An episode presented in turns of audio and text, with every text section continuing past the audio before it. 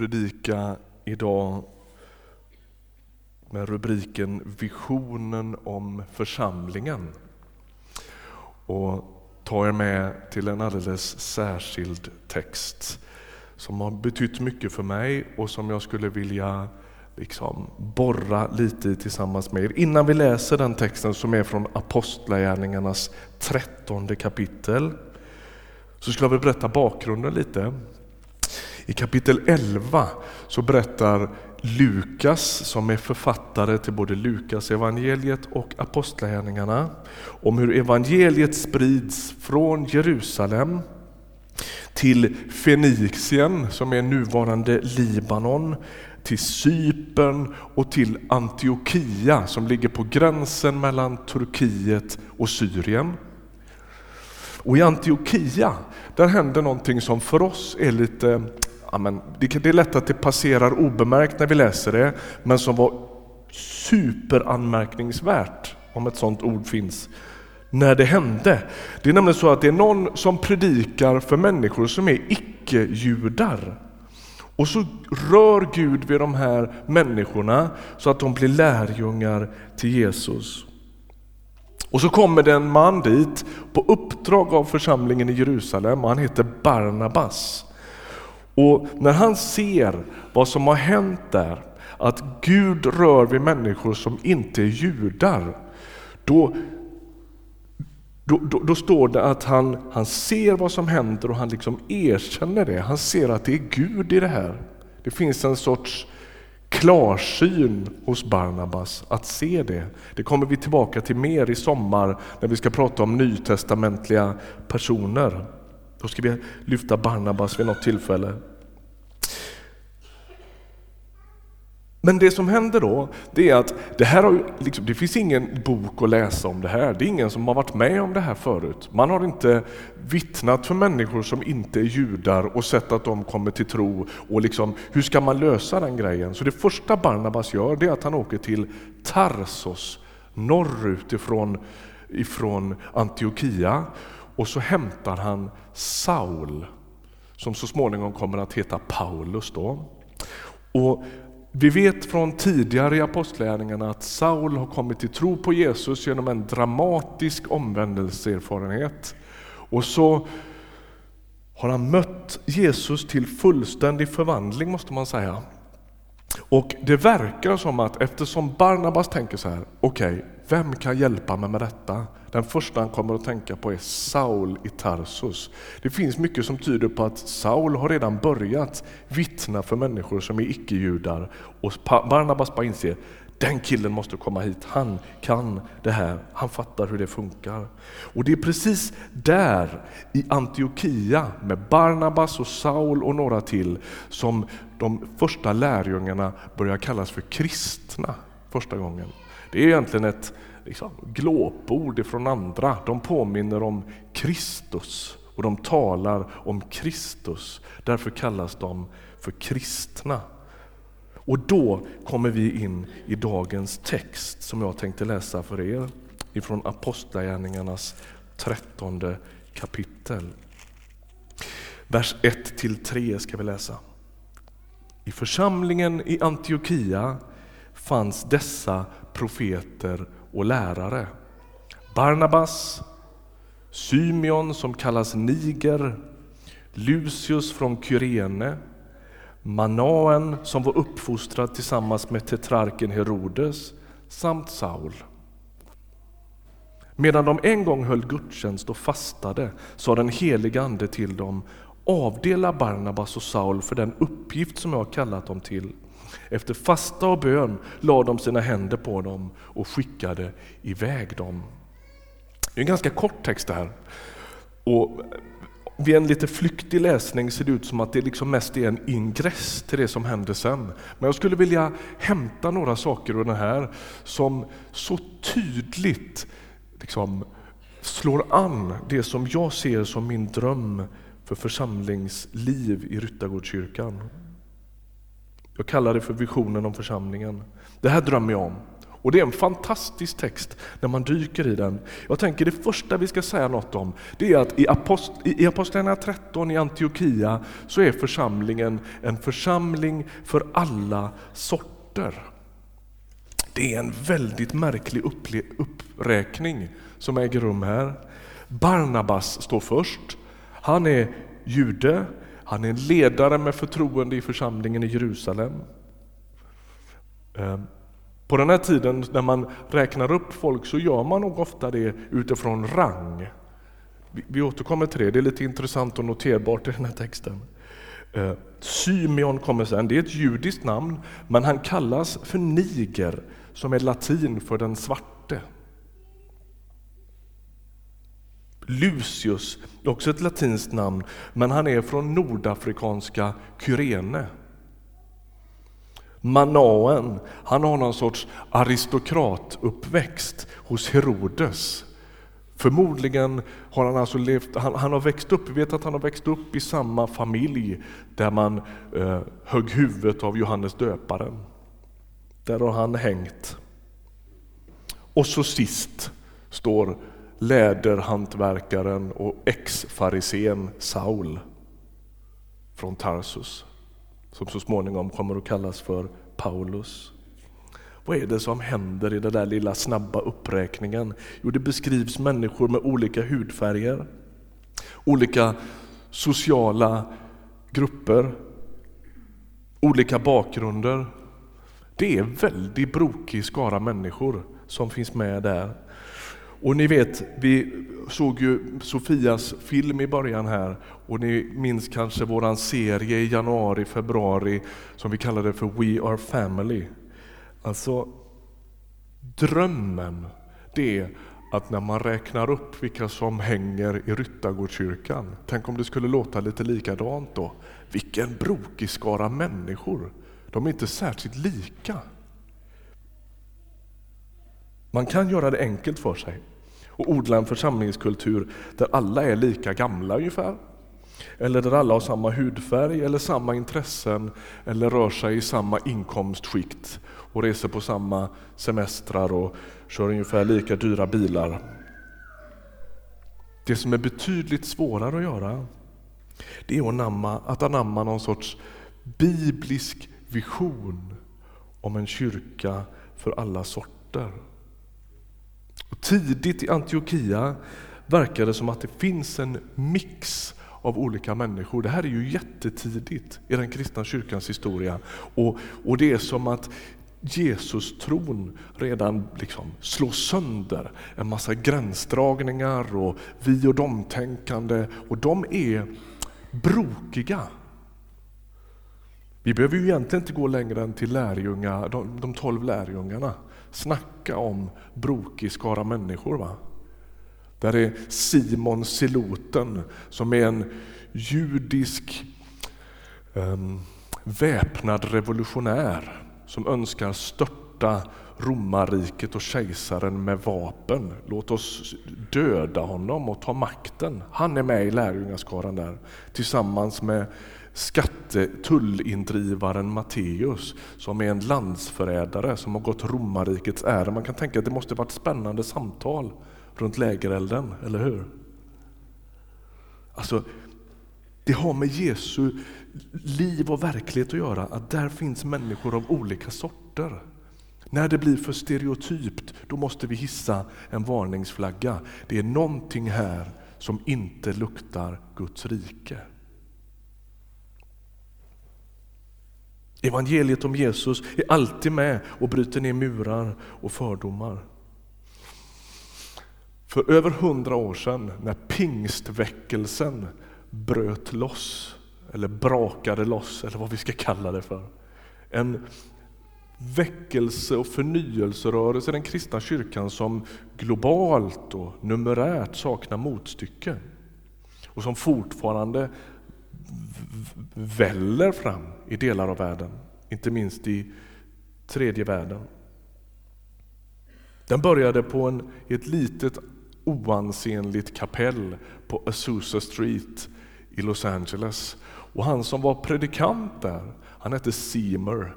Han var svart, Han var enögd och han var halt och han hade liksom egentligen inte förutsättningarna i början på 1900-talet att välta omkull på någonting. Han var gravt eh, diskriminerad i samhället och levde i ett sjukt segregerat samhälle. Det som händer när Guds ande blåser till på Azusa Street och de erfar Guds kraft på ett särskilt sätt. Ett av de tydligaste kännetecknen där, det är att svarta och vita firar gudstjänst tillsammans och ber för varandra.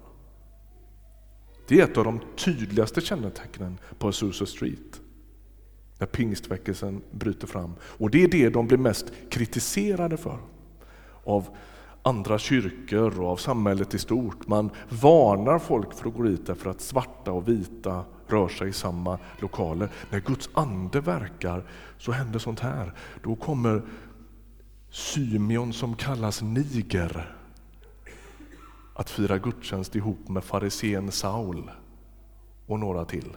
Är ni med? Det innebär en kyrka för alla åldrar. En kyrka för fler än vita svenskfödda medelklassmänniskor.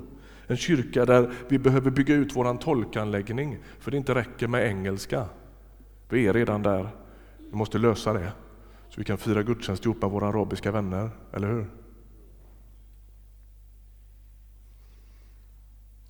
Det är min första liksom, delpunkt när vi pratar om visionen om en kyrka med bibliskt snitt. Det andra jag skulle vilja säga några ord om det är en kyrka med en varm andlig atmosfär. Paulus och Barnabas åker inte ut på missionsfältet efter ett strategimöte i konferensrummet. Lyssna nu. Det är inte i ett lysrörsförsett akademiskt konferensrum som man ritar upp det där. Det föds i bön. Man har sökt Gud i bön och fasta och erfarit Andens vidrörande. Det är därför man åker. Hör vad jag inte sa nu. Jag sa inte att vi inte ska vara strategiska. Jag har inget problem med det. Men vi, är det någonting som är omistligt så är det att få höra Gud tala. Vi måste få erfara det. Vi måste få göra djupa erfarenheter av att Gud leder oss, att han verkar, att han berör våra liv.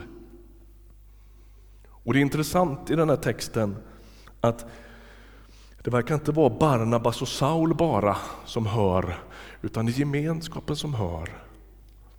Och så sänder de.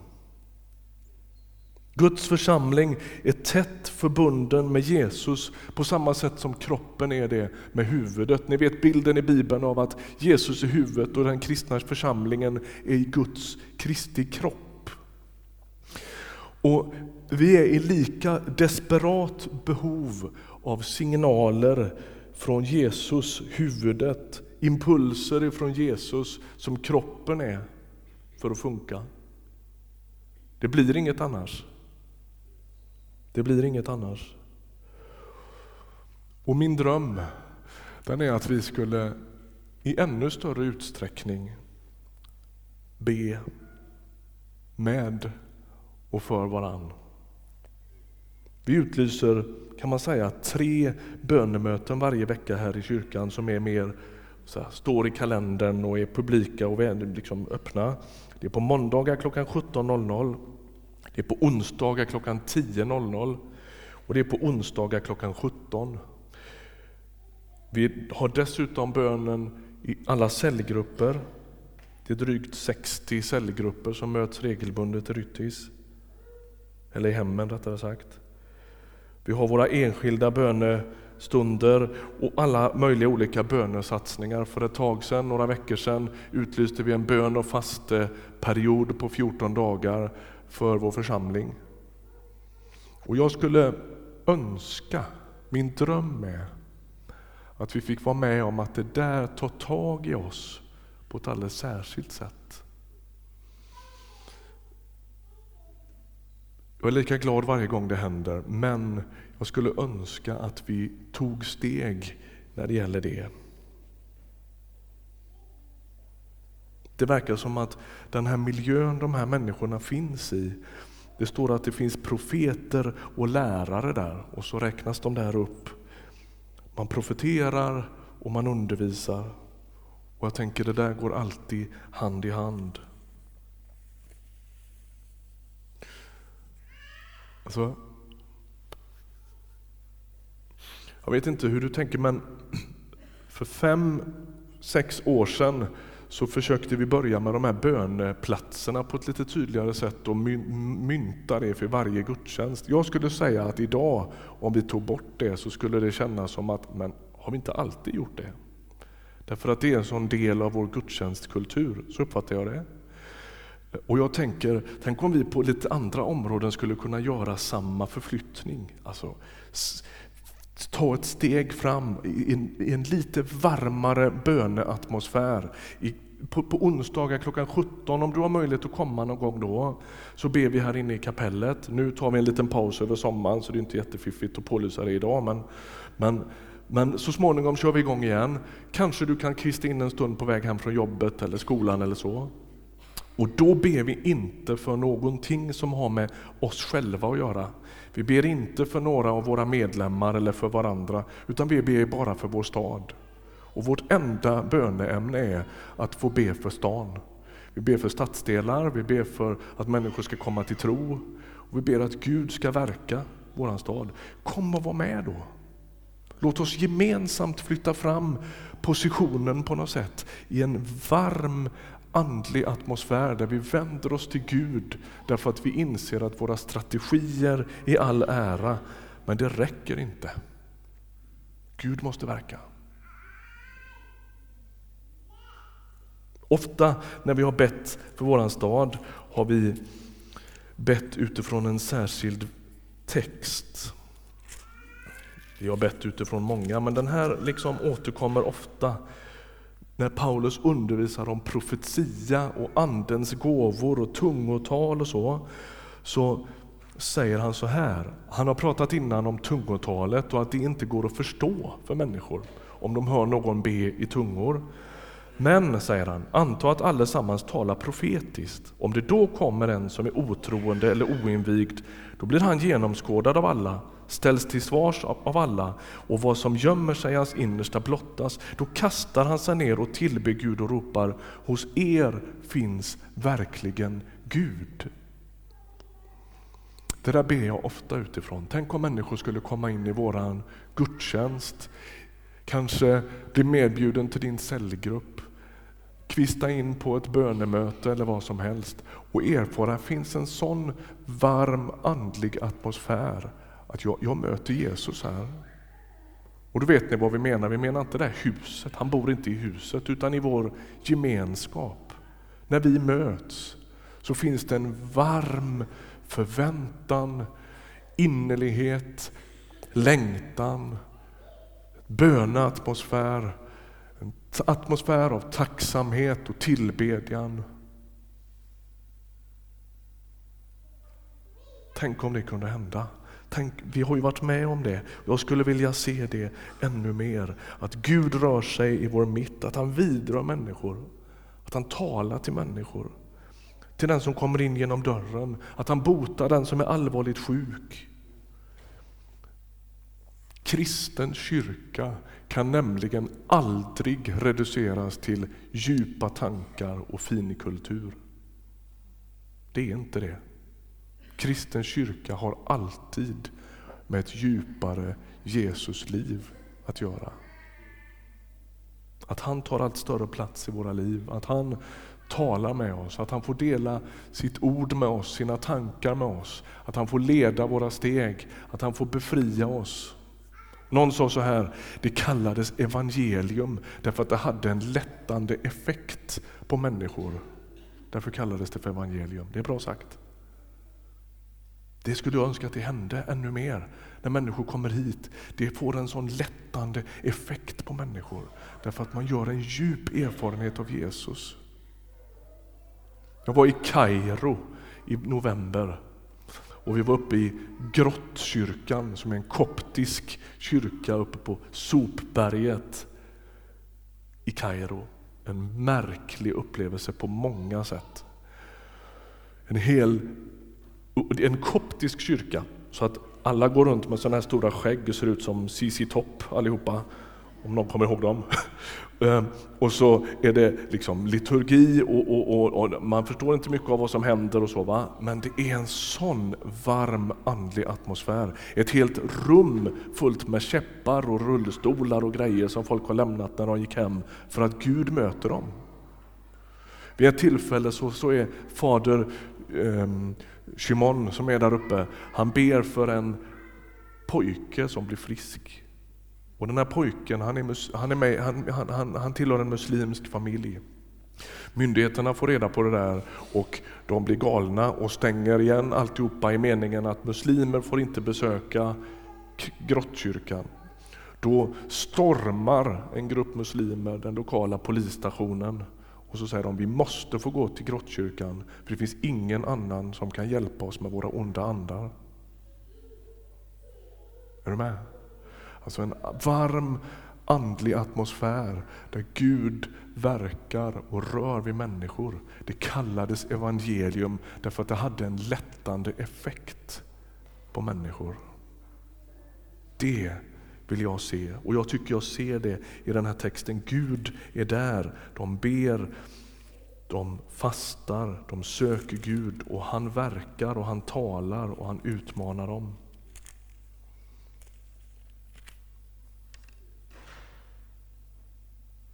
För det tredje, det blir en klassisk trepunktare idag.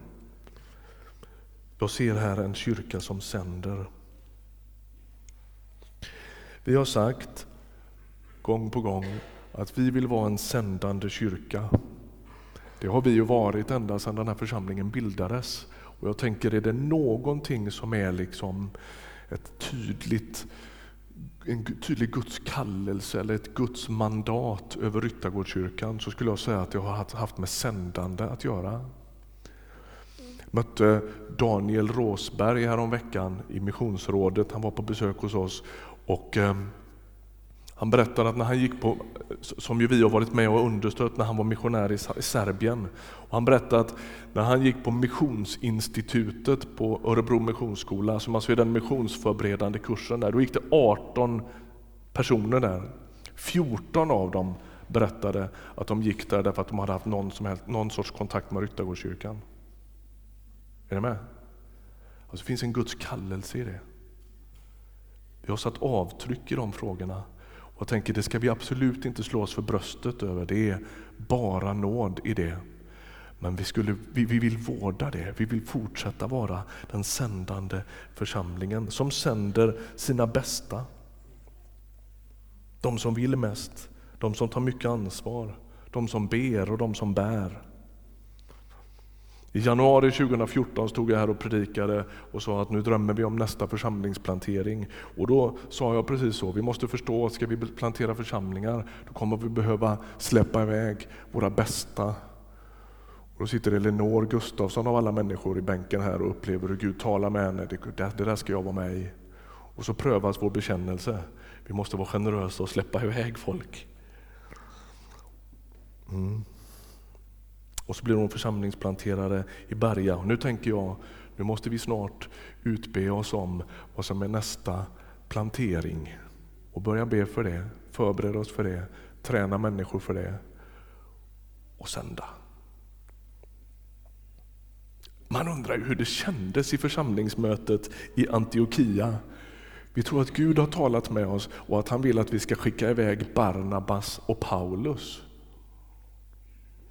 Man anar ju att de blir lite nervösa, eller hur? De behövs ju här. Tänk vad de har fått betyda för oss här. Måste inte vi satsa lite på oss själva nu? Hör du? Kommer du ihåg hur vi alltid kommer tillbaka till? Nu satsar vi lite på oss själva och när vi har blivit lite mer stabila, då kan vi bli missionella. Det verkar inte funka så. Utan Gud kallar vem han vill. Han utför vad han vill i människors liv och så får församlingen vara tillräckligt avspänd och generös för att släppa iväg till och med Barnabas och Saul om det skulle behövas. John Stott, en anglikansk teolog som har betytt mycket för vår tid, han lever inte längre, men han säger så här, jag tycker det är ett bra citat. Säger vi att vi tror på Gud, Han är en missionerande Gud. Säger vi att vi vill lyda Kristus, han är en missionerande Kristus. Påstår vi att vi är uppfyllda av Anden, han är en missionerande Ande.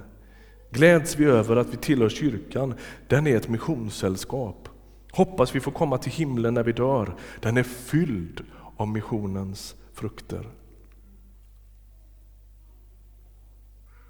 Det är därför vi har sagt att vi vill vara en moderförsamling som grundar församlingar. En vartannat år, det är vår dröm, det är vår målsättning. Skäggetorp, Berga, vad kommer härnäst? Ja, Johannes har pratat lite om Ryd, kanske Ekholmen, kanske i någon annan stad, kanske i ett annat land, vad vet jag. Vi kanske skulle grunda en församling någon helt annanstans i världen och skicka våra bästa. Jag tror att det finns något djupt, djupt bibliskt i att alltid försöka finnas till för någon annan än sig själv. På det sättet följer man Jesus. Idag använder vi i runda slängar 27-28 procent av våra insamlade medel till arbete utanför Sveriges gränser. Det är bra. Men det borde kunna vara 30. Eller kanske 33. Nu vaknar missionsrådet här, nu ser jag, nu tycker de att nu blev det ett bra möte. Eller hur? Äh, för att om vi menar allvar med att det är det här vi vill bli, då sänder vi det bästa till någon annan än oss själva.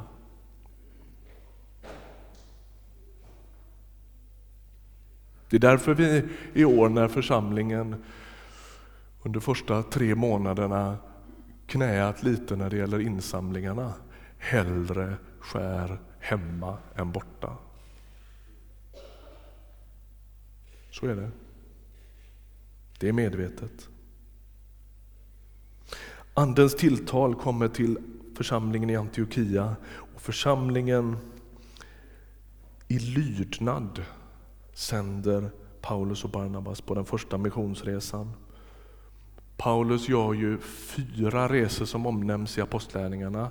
Första, andra, tredje missionsresan och resan till Rom. Och här börjar det liksom. Det börjar med bön, fasta och Guds tilltal. Och så slutar den där resan i slutet på kapitel 14 med att det står så här. Sedan for de vidare genom Pisidien och Pamfylien och när de hade förkunnat ordet i Perge fortsatte de ner till Ataleia. Därifrån seglade de till Antiochia, den plats där man hade överlämnat dem åt Guds nåd inför det uppdrag som de nu hade fullgjort.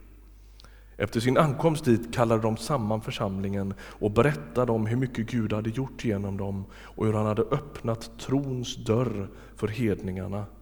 Och de stannade en ganska lång tid hos lärjungarna där. Jag tycker om det här uttrycket. De har överlämnat sina missionärer åt Guds nåd inför uppdraget. Ett tjusigt uttryck.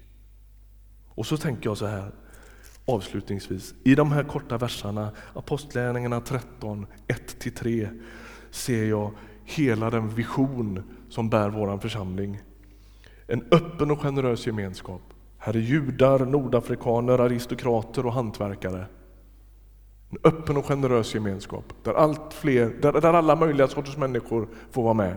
Och så står det, och så säger vi sen, där allt fler möter, följer och formas av Jesus. En varm atmosfär, en andlig varm atmosfär där Gud verkar i församlingen. Där han utrustar profeter och lärare och andra gåvor och tjänster. Han kallar till ett djupare efterföljelse, till lydnad och han sänder ut människor att utbreda Guds rike. Där, precis i den pulsen, att vara öppen och generös mot människor som kommer hit jag hoppas och ber att när människor kommer hit och inte är som vi, så tar vi emot dem. Om vi menar allvar med att vara öppen och generös så behöver man inte vara generös med människor som är exakt som en själv. Utan det är med andra man behöver vara generös. Hoppas att vi omfamnar och tar emot och att det inte stannar där. Utan att en gemenskap är så fylld av Guds handlande så att människor faktiskt förvandlas. Ni vet, jag har jämfört någon gång ibland att tänk om man gick till ett AA-möte, anonyma alkoholister, Och så märker man när man kommer dit att alla har en sån här klisterlapp på rutan där det står Jag är inte nykter, jag är bara förlåten. Alltså om ingen blir hjälpt på AA så skulle ingen gå dit.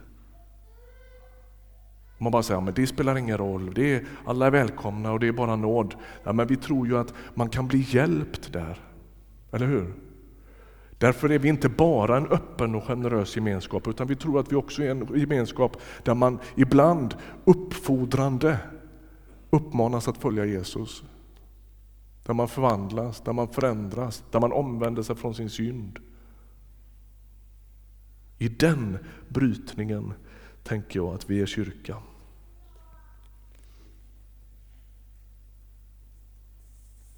En kyrka för alla sorter. En kyrka med en varm andlig atmosfär och en kyrka som sänder. Låt oss be. Vi tackar dig Jesus för att du är här.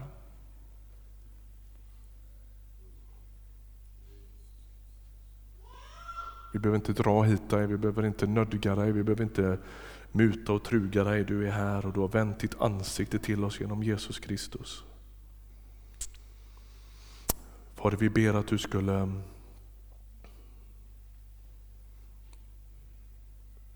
fortsätta att forma oss efter din egen bild. Vi vill bli som du. Vi vill påminna om dig. Vi ber att människor också här skulle liksom drar samma slutsats. Man kallar dem för kristna för att de påminner om Kristus. Vi ber att få vara en församling och en gemenskap för alla sorter. Vi ber att få vara en församling där du verkar med din kraft, med din ande, med din befrielse, med din, ditt vidrörande. Där vi söker dig, där vi vänder oss till dig i bön och förväntan och tacksägelse. Och vi ber att vi är en församling som alltid är beredda att sända det bästa, precis som du gjorde. Tack att du inte sände ett traktat eller en pålysning eller en kejserligt påbud utan du sände din son. Vi ber att få sända som du sände. Tack att du hör oss när vi ber. Vi ber för vår församling. Vi ber att du ska hjälpa oss att bli vad du har tänkt. I Jesu namn. Amen. Amen.